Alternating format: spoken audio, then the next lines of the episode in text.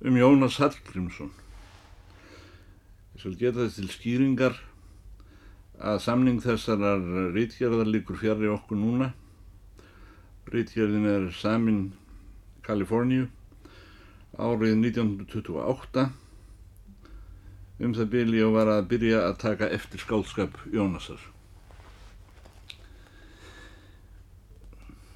Til eru þau skáld íslensk og ég allfá sem verið hafa braksnjallar en Jónas Hallgrímsson. Jámel þau kvæði hans sem best eru kveðin skilja sjálfnast eftir þá tilfinningu hjá lesandanum að eigi sér und að gera betur. Sumt mætti jámel vera miklu betur frá sjónarmiði braksnildar ef það sjónarmið væri valið sem algildur mælikverði skaldskapar. En eru þau skáld sem miklu hafa lagst dýpra en Jónas Hallgrímsson. Ég held að yfirleitt hverki verði fundin svo spekki í ljóðum hans að nokkrum komi á óvart og ekki líka eftir hann stórvirki í líkingu við minnisvarða þá sem höfðskáld þjóða hafa reist sínum nöfnum. Hann samti lítið ljóðakver og talsverður hluti þess tækifæriskvæði, smámunir og brot án þess nokkur staðar myndi hild eða höfuð flokk annað hver liggur eftir hann af smásögum og rítgerðum og ekki meira um sig nýja í sér en samsvarar kvarnar sópinu úr milnum evrópska höfðskálda er uppi voru samtímis. Hann hefur ekki samin eitt aðalverk og nær ekki máli þar sem höfundar eru mældir í álnum og pundum. Nú eru bráðum liðin hundrað ár síðan þessi útigangsmaður var á stjátti um flórhellunar í Kaupenhafn, stúrin og þrjóskulegur eins og týttur um flippalösa menn á bíluðum skóm. Glóðin sem brann í augum hans lísti fremur söknuði en von, en það týndist hann einn góðan veðurdag og hann í danskan herrans urtagarð og hefur ekki fundist síðan meðan hann var á mölinni setti hann saman fáeina kviðlingan það sem hann elskaði mest. Smávinni sína blómin á Íslandi reyður búana og hérna margvíslugu fegurð sumardagsins heima á samt stúlku sem hann hefði kynst fyrir löngu. Hann var ungur maður en gekk þó ekki heil til skóar óskaði sér þess oft að hann veri orðin nýr Því má síst gleima að í sögunum vanheilindi hans er fælinn harmsaga, miklu dýpri en og skrunaði í bernsku, meðan ljóð hans og fagnuður sumardagsins leku á einn streng í brjóstum vorum. Hann var samsagt flippalaus, skólítill og öðnuleus og eins og hann hefði spáð, glemdu menn hvar gröfin hans var jafn skjótt og allt var komið í kring. Þar sást ekki framar höfðulútur ástvinur eftir að reikonum var kastað. Kanski má finna vinsamlega skýringar þess að menn skuli ekki hafa tekið ástfóstri við gröf hans. Það hefur sem sé æfinlega látið sem öfumæli í eirum íslenskra barna að honum skildi nokkun tíma hafa verið búin gröf. Hitt miklu trúlegra að hann hafi ekkið glæstum vagnni inn í hnúkafjöldin.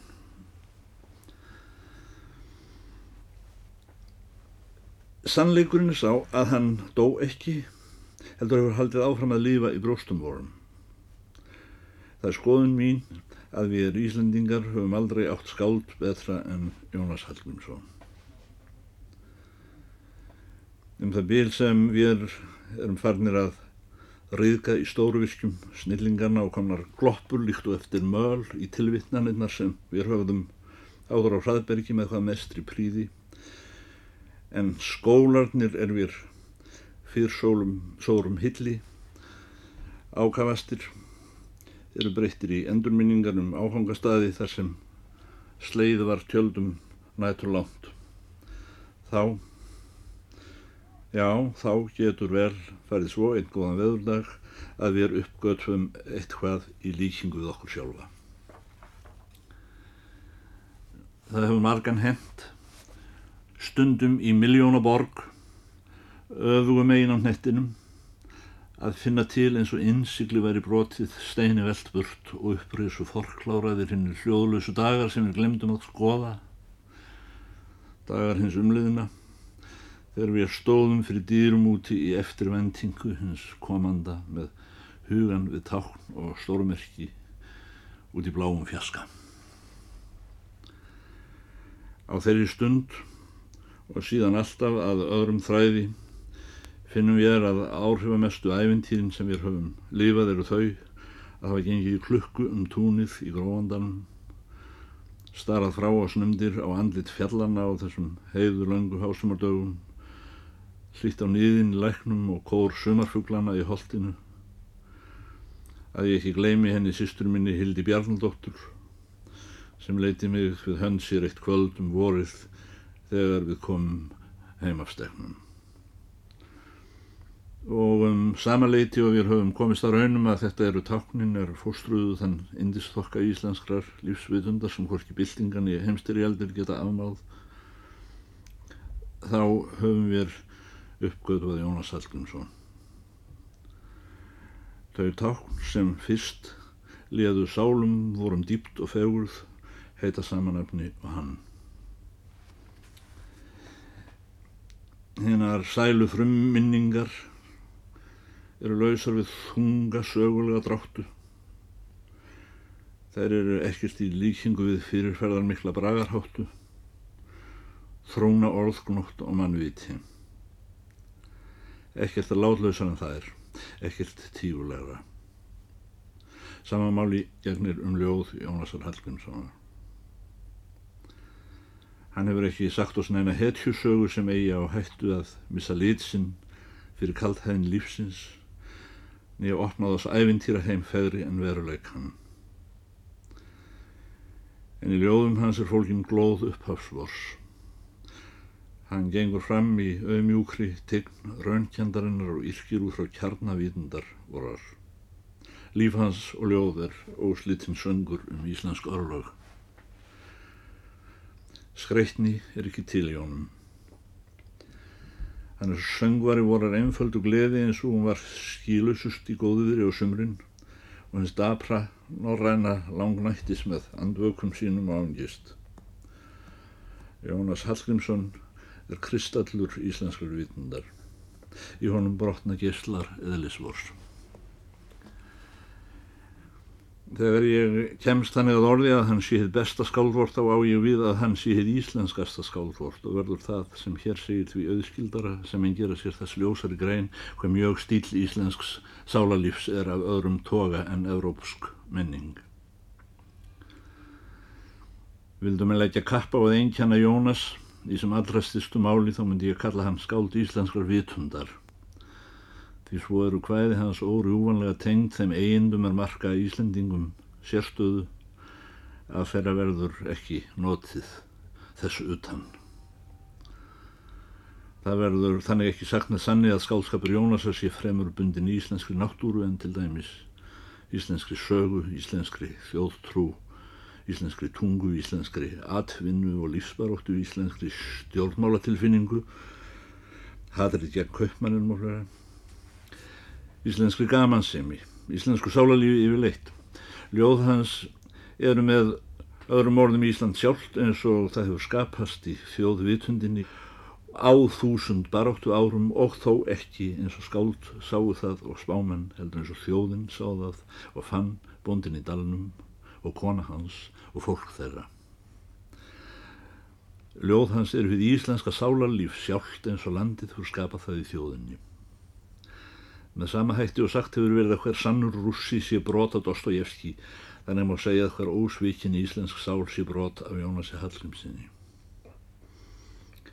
Það er þess vegna sem við komumst í boppa síðan við beðnir að leggja hann út fyrir manni af öðru þjóðarni. Vera má að orðin megi þýða að einhverju leiti á erlend mál en hinn sérkennilegi íslenski keimur Leindardómur þjóðurni sem sjálfs verður ekki láður út fyrir öðrum mönnum, glóð upprönnans verður ekki skilgreynd. Íslenskur græsvörður verður ekki þýtturn í ánganinn og lingholtum vorum. Íslensku loftslægi verður ekki snúð á dönsku allra síst eins og það er upp í óbyðum og sumannóttu nýja íslenskum fjallasínum. Íslenski lífsbaráttu og sögu verður ekki heldur snarað af annað mál og þó allra síst oss sjálfum sem erum summan af öllu þessu. Það er hægt að raskast díl sálarlífsvors og gera Ísland að andhæli meðal útlendinga en það er líka allt sumt. Útlendur maður getur ekki lært að lesa Jónas Hallgrímsson nefnað undan gengnum nánum samruna við þjóðarinni vort. Með því að læra fyrst að hugsa og finna til, tala og vinna eins og við er og undir sömu kjörum og við er. Samt þóri ég ekki að ábyrgjast að þetta næði til þess að gera honum kleift að skilja Jónas Hallgrímsson að meira leiti en til hálfs. Jónas hefur aldrei látið sér um munn fara ástarjáttningar því líka sem gert það var stórskáld voru önnur til ætti erðarinnar, hann sagði aldrei neitt svipa þessu. Svo tröst við Ísland mig tengja böndei trúribindasón við móður nýja svo djúpt Ísland í eðli mér festað einungis gröfin og skilur og tvísýður Ísland þig elskum við er alla voru að daga Þessi mönnur skáldi játuðu með svo gistum fögnuði var Jónasi of sjálfsagt mál til þess að hann geti dottir í hug að taka það fram. Hann elskar ekki Ísland fremur en maðurinn í dalnum. Hann er Ísland eins og maðurinn í dalnum. Þegar hann um, talar um landið og þjóðina, þá fer hann aðeins í eigin barn. Hann elskar ekki, hann er. Þótt hann láist að játa ást sína til ættjarðarinnar beinum orðum, þá er um, hvert hvæði hans ættjarðarkvæði í orðsins fylstu merkingu. Þau eru sungin út úr náttúrlandsins gegnum brjóst þjóðarinnar. Þau eru sem dregin út úr kjarnar hens óskilgreinlega í íslensku sálarlífi. Jável tólkanir hans á verkum erlendra skálda eru svo órúvanlega bundnar í íslenskum eigindum og sérkennum að þeir geta aðeins með hálfum rétti heiti þýðingar. Hver þekking hver framandi hugsun fjallar í íslenskan jarðveg sem Jónas var og spratt upp aftur íslensk jört. Jónas Hallgrímsson er málsvar í fagnadar þess og fegurðar sem einkennir íslenskan hverstagsleik. Og þessi djúpa heiða gleði hlítur í ljóðum hans eins og lífi voru mótvegið sitt í hennum þunga íslenska lífstrega. Hann leikur þannig Naumast svo létt úðull laga og kvintstreng að ekki heyri um leið þungan kontrapunkt langt nýri til vinstri handar og þarf ekki að taka fram að einmitt tregin að baki leðir brosi hans áhrifamesta töðra. Ég ætla ekki að fara að hafa hér upp ljóð Jónasar þau eru hvort sem er nægilega vel prentuð í brjóst þjóðarinnar en ég ætla aðeins að minna á hlátur drottningarinnar í skóinum svo tvíræðan að ég veit ekki hvort hún áheldur við ást mína eða fegð. Eða hvaðið manna sýstur mína þar sem ég get samt ekki stilt mig um að segja alla mína harmsögu að ný í þessum línum fyrirum átti ég að fallið gull. Nú er ég búin að brjóta og tína. Og úr heiðlóar hvaðinu litla þarf hann að búa til sorglegustu sögu sem þú hefur nokkund tíma heyrt hvert íslenskt barn hefur einhvern tíma grátið yfir því. En þótt Jónas Hallgrímsson hefði öðlast gáðu sorgarinnar eins og allir vitrir menn í fjari að hans í sorgarinnar maður. Hann eignaðist gáðu ljóðsins en þó er enginn fjær því en hann að lifa í ljóðsins heimi eins og guðnir. Nei, þótt hans í einn af skáldónum og einn af ástmugum guðanna, þá er hann þó umfram allt svonur dalsins hins íslenska dals sem minnist við hafið. Engin hefur talað af meiri alúðum íslenska atvinnuvegi og nýttjagróður en hann. Betri sálmar hafi ekki verið hvenir á Íslandi um hvítakrist en Jónas orti um heiskap og húdræði. Aldrei sér hann náttúruna fegri hann á grundvelli starfs og arðs og aldrei verður hann eins skáldlegur þegar hann fyrir að tala um búskapinn. Sýstir mín sittur lömb og spinnur ull og það er ekki gaman að þegar sílungana nema þessi veið tækir. Síðan bætir hann við. Ærin ber og bærin fer að blómgast þá leika sér þar lömpin smá. Nú er í veri nóg að gera nóttu bjartri á hlutir hækkað fá. Vötn Jónasar eru fiskisæl ár hans er ungt ár. Feður hans reistu sér byggður og búi blómguðu dalana skauti. Skip hans fara varningin heim. Fjöll hans horfa ofan á heia völlin Fjenaður hans dreifir sér um græna haga. Hann sínir með sjúkja mar lagð síðar hjarðir og beit og gunnar hans á hlýðarenda sá aldrei fyrir svo fagran jarðar gróða sem úr hólmanum. Og nú mördu íslenskir bjargræðisvegir svo innlífaðir í djúpum skáldleika að hann gætt fara að tala um þoskinn og kúna í sínum allra fegurst ljóðum. Það er alltaf eins og maðurinn í dalnum sé að tala og kona hans og þeim er með öllu varna þess að gera greinarmun á fáru og nýtsömu. Hann er fiskimaður, fjármaður og sláttumaður ljóðum sínum þessi gilt að minnast áður en tekið fram að hans er skáld. Dalvísur hans eru fremur sapn af hliðstæðum ljóðlínum, hann hvæði því þar er hvorki upphafni endir og engin stígandi þær er eins konar litaníu kend upptalning á þeim táknum sem gera sálarlíf dalbúa hans. En úr þekkingu hans á háttum íslenskra náttúru, þið innra sem ytra, ekki síður nýtri og einri kjörum íslensks náttúru barns, eru runnir sem er dýrustu ljóðkostir hans, hinn djúpa og innilega samkjönd hans við allt lifandi og ekki aðeins það sem lífi er gætt í lífræðilegum skilningi heldur og hitt sem tekið hefur á sig persónu kendar myndir í ímyndum fólksins svo sem flóa tetrið, glúra búin, hnúkafjöldin.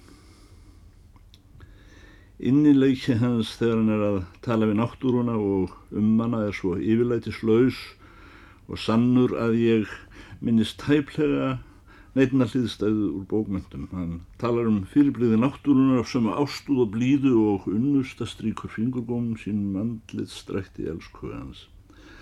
Líka úr og grúir í hvæðunum af hinnum glöggu aðtúin náttúru skoðarans og auka þau blæbriði ekki síst á fylling ljóðstílsinnis.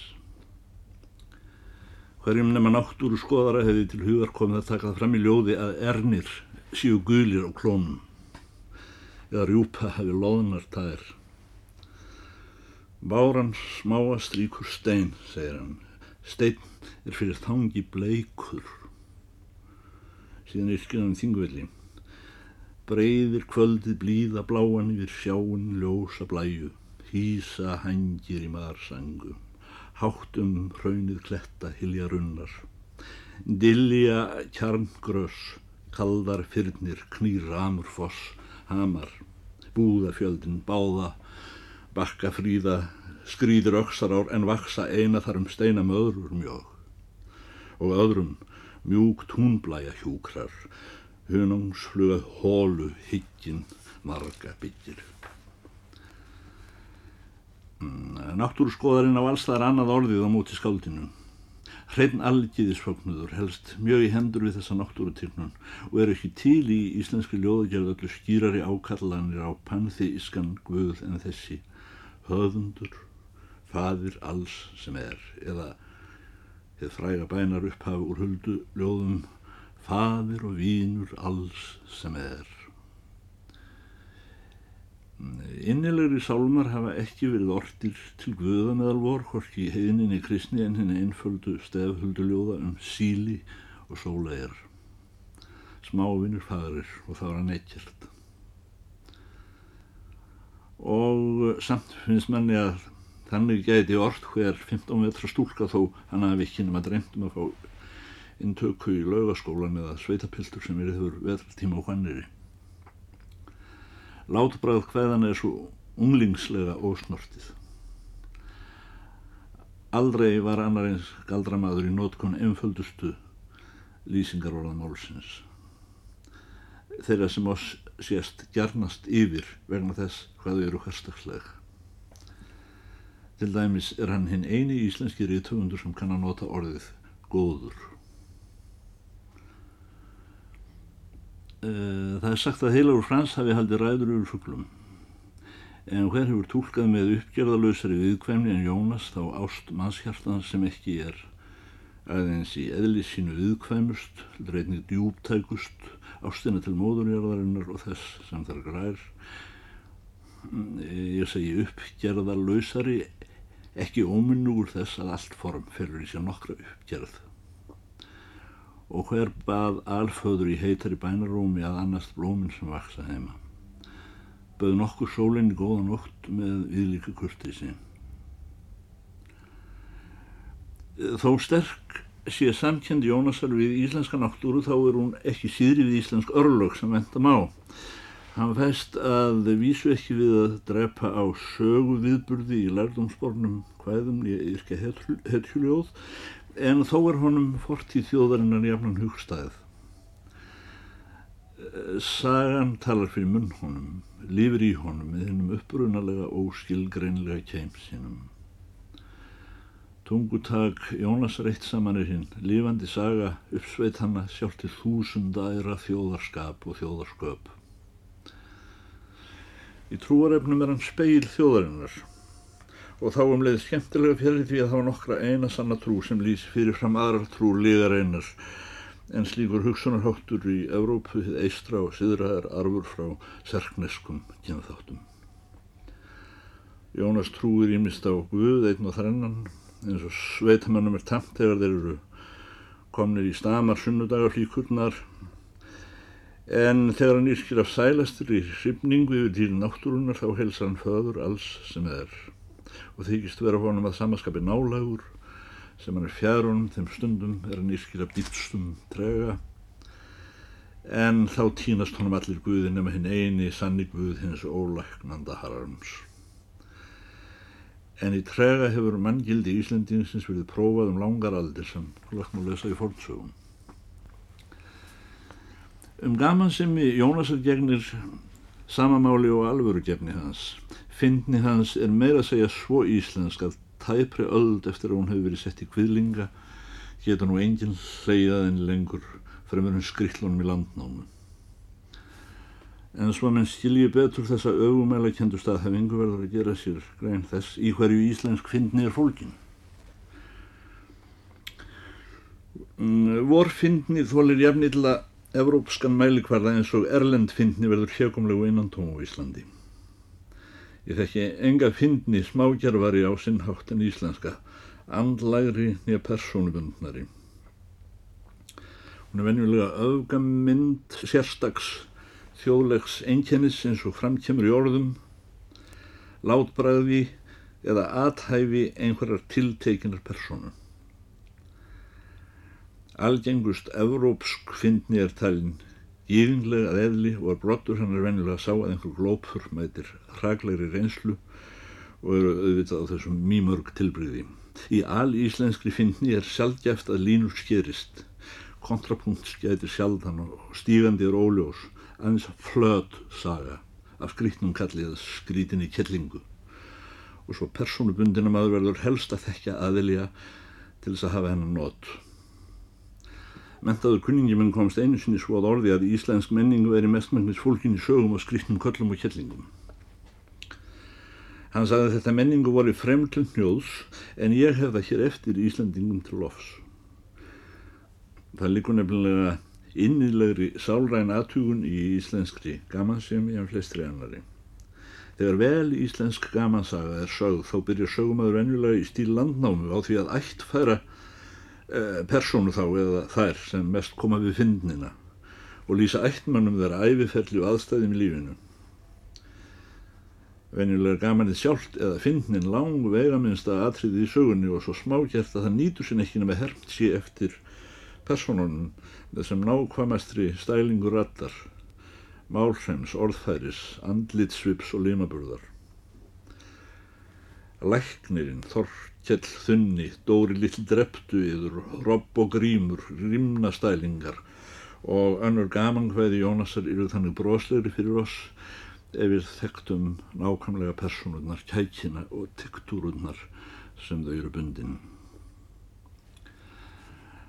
Þó næri stappi öfumælum í íslenskum eirum er það Stórborgin sem fóstrað hefur skálgáfi Jónusar Hallgrímssonar og komið henni til þroska. Og er hann í því engin undantekning frá öðrum stórskáldum heims. Stórskáld eru æfinlega undir áhrifum borgarlífsins eða andra stóra staða í andstöðumverkingu við sveitinnar. Sveitanmaður getur ekki farið að yrkja af skygni dýpri vitundar um náttúruna, starfið og lífsbaróttuna fyrir en höfðstæðin hafa opnað honum fjárvítir og frjókað sál hans lærtómi og listum.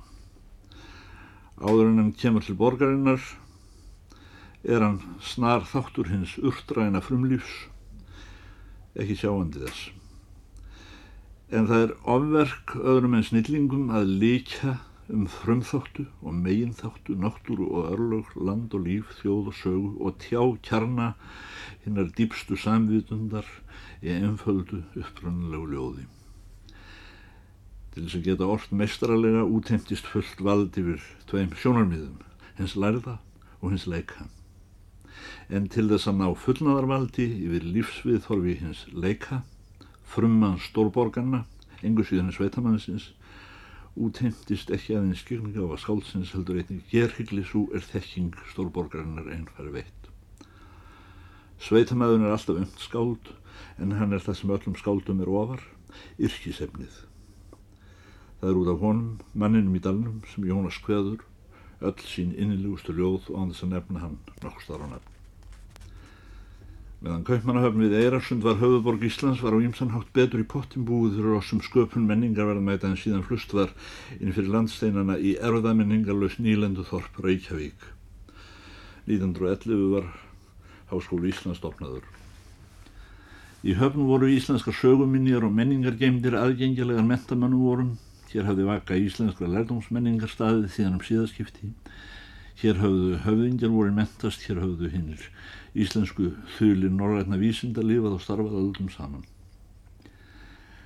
Þessi gamla höfðborg vor var í, en, í senn nógu stórstaðarleg til þess að kalla fram í minningu Íslanding sem skýra andstæðu mynd af ásýn gamla fróns og nægilega fjari fróni til þess að ala í brjósti landans romantísk ættjarðarást sem eggjaði bæði til jóðs og dáða.